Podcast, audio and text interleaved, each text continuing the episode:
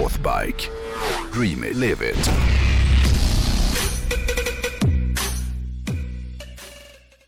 Återigen så har jag hijackat ditt segment. Mhm, ja, och härligt. tänkte nu prata om en hoj som är helt fantastisk. Och säkerligen finns det några som kommer bli lite överraskade och kanske lite upplysta. Jaha ja. Eh, jag har ju, som alla vet, Mm. nu, eh, med risk för upprepning, ett intresse kring deckare och polisbilar. Mm. Men sen har jag ju ett periferiintresse. Något smalare, något nördigare, nämligen polismotorcyklar. Mm, ja. Självklart kommer jag inte prata om den svenska polisens gamla men ändå balla BMW R87. Den är ju ikonisk och eh, en hoj som jag gladeligen skulle köpa och bygga om.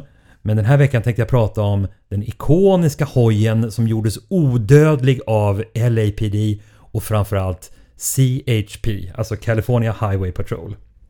Men jag pratar inte om Harley Davidson. Faktum är att om man säger amerikansk polismotorcykel då tänker ju nästan alla instinktivt på Harley Road King eller Electra Glide. Mm. Är Bå- ju. båda är otroligt snygga. Men ack så osmidiga. Så pass icke-funktionella att polisen i USA till slut hade svårt att behålla dem eftersom de, liksom, de var tunga och klumpiga och dessutom så skenade servicekostnaderna och underhållet iväg. Och många polisdistrikt de behöll dem kanske främst av nostalgiska skäl. De liksom personifierade motorvägssnutarna som ville behålla sin aura av coolhet. Jag kan gilla det tänket du sa att man låter brandbilarna se gamla ut. Ja. Liksom, och, och likadant man vill helst att polisbilarna ska se ut, eller polismotorcyklarna ska se ut som de alltid har gjort. Ja, ja, ja. Ja. Och, och lite samma sak som att, att polisen i USA använde ju Ford Crown Victoria superlänge. Mm. Till och med efter att bilarna hade slutat tillverkas. Trots att det fanns snabbare och bättre och billigare polisbilsalternativ. Mm. Men polis-Harleys var helt enkelt imagemässigt snyggt. Men till slut inte praktiskt försvarbart det. för de flesta polisdistrikten. Så vad gjorde då LAPD och California Highway Patrol? Jo, man började snegla på alternativ. Och det här snappades upp av Kawasaki. Och tidpunkten var ju helt perfekt. För 1974 så hade nämligen Kawasaki Motor Corporation USA satt upp en helt ny motorcykelfabrik i Lincoln, Nebraska. Hade jag ingen aning om. Nej. Och det här gjorde de för att tillgodose då den amerikanska marknaden med Kawasaki-hojar. Och en av de hojarna som de tillverkar här, det var Kawasaki KZ900. Mm, just det. Och nu så satte sig då ledningen för Kawasaki i USA tillsammans med en grupp poliser, som en fokusgrupp liksom. Ja. Och racingföraren Dan Gurney. Och tillsammans då så skulle de utarbeta planen för att eh, tillverka den perfekta snuthojen. Den skulle vara snabb, lättkörd, smidig och funktionell. Dessutom skulle den väga betydligt mindre än en Harley. Men en sak fick man inte ändra på och det var liksom coolhetsfaktorn. När man såg en MC-snut i backspegeln då skulle man Ja. darra av det. rädsla. Mm. Lite samma sak som när Range Rover skulle ta fram nya generationen eh, av, av eh, den här Vogen. Mm. Och de vände sig till Range Rover Owners Group i England för att rådfråga dem om vad, vad de ville ha. Mm. Om de skulle ta fram en ny bil. Och svaret de fick var ohyggligt enkelt att tolka. För de sa nämligen Ändra vad ni vill utom utseendet. Ja. Och lite samma sak gällde det här för, för Kawasaki. Eh, de, de skulle ersätta Harley Davidson men man kunde inte göra det med en ful motorcykel. Nej, just det. Eh, hur som helst. Hyggligt snabbt hade man nu 1977 arbetat fram Kawasaki KZ900 C2 Police.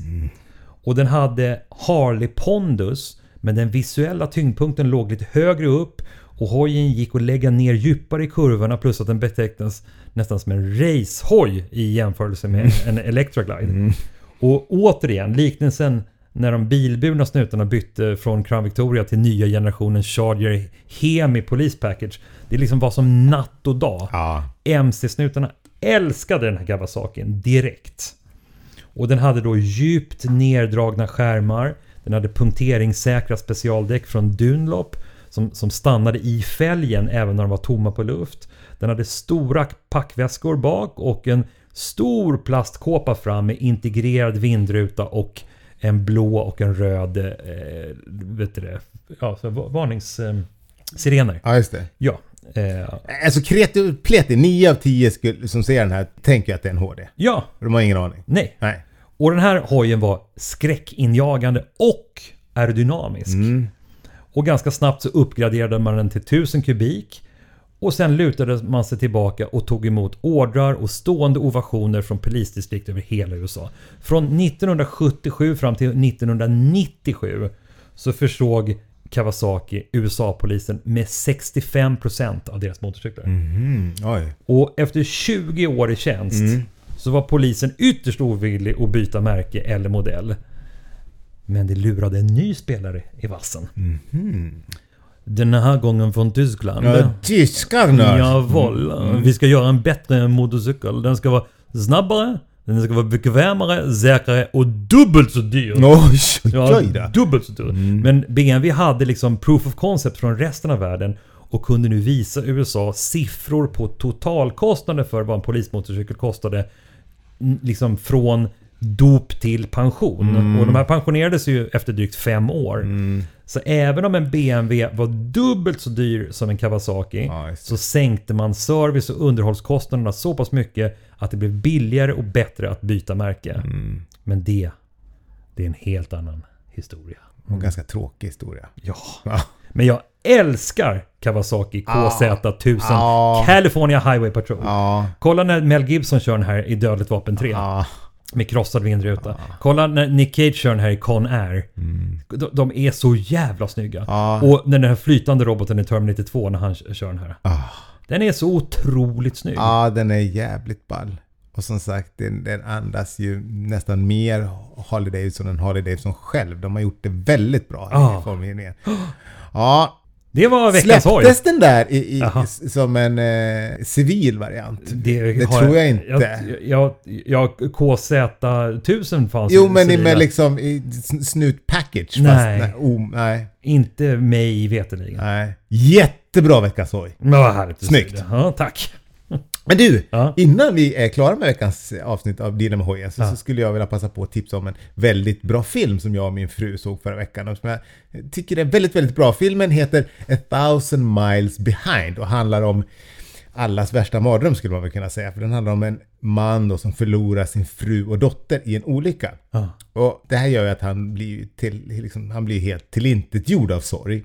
Eh, alltså han går helt sönder inombords och lever liksom nästan som ett spöke i sitt hus och svarar varken i telefon eller när det ringer på dörren. Men så en dag så bestämmer han sig för att ta sin Ducati Scrambler Desert Sled och ge sig ut på vägarna och, och försöka komma över sin sorg på något sätt. Då. Det är, så, det är så förutsägbart att du sitter och kollar på den här filmen. Ja, ja men jag vet. Eh, men sen får vi följa honom då när han reser runt i Kalifornien och gör sitt bästa för att hitta tillbaks till livet då. Och han som har skrivit och regisserat den här filmen, han heter Nathan Wetherington. Eh, och jag tror att det här är hans första, hans långfilmsdebut. Och filmen utspelar sig då i och runt Kalifornien. Och den är ju förutom att vara en väldigt fin film, också en väldigt, väldigt snygg film. Eh, jag såg i eftertexterna att, att både Polar och Biltwell och Ducati och Iron Resin har varit med och sponsrat. Så om ni har lite koll på de här varumärkena så tror jag ni fattar stuket. Och jag tror även att ni fattar att jag som är en Stockholms hipsterjävel eh, tycker att det här är väldigt, väldigt snyggt. Ah. Eh, hur som helst då, det är en väldigt bra hojfilm. Det är Eh, första gången på 20 år som du benämner dig själv som en Stockholmsjävel. Ja men,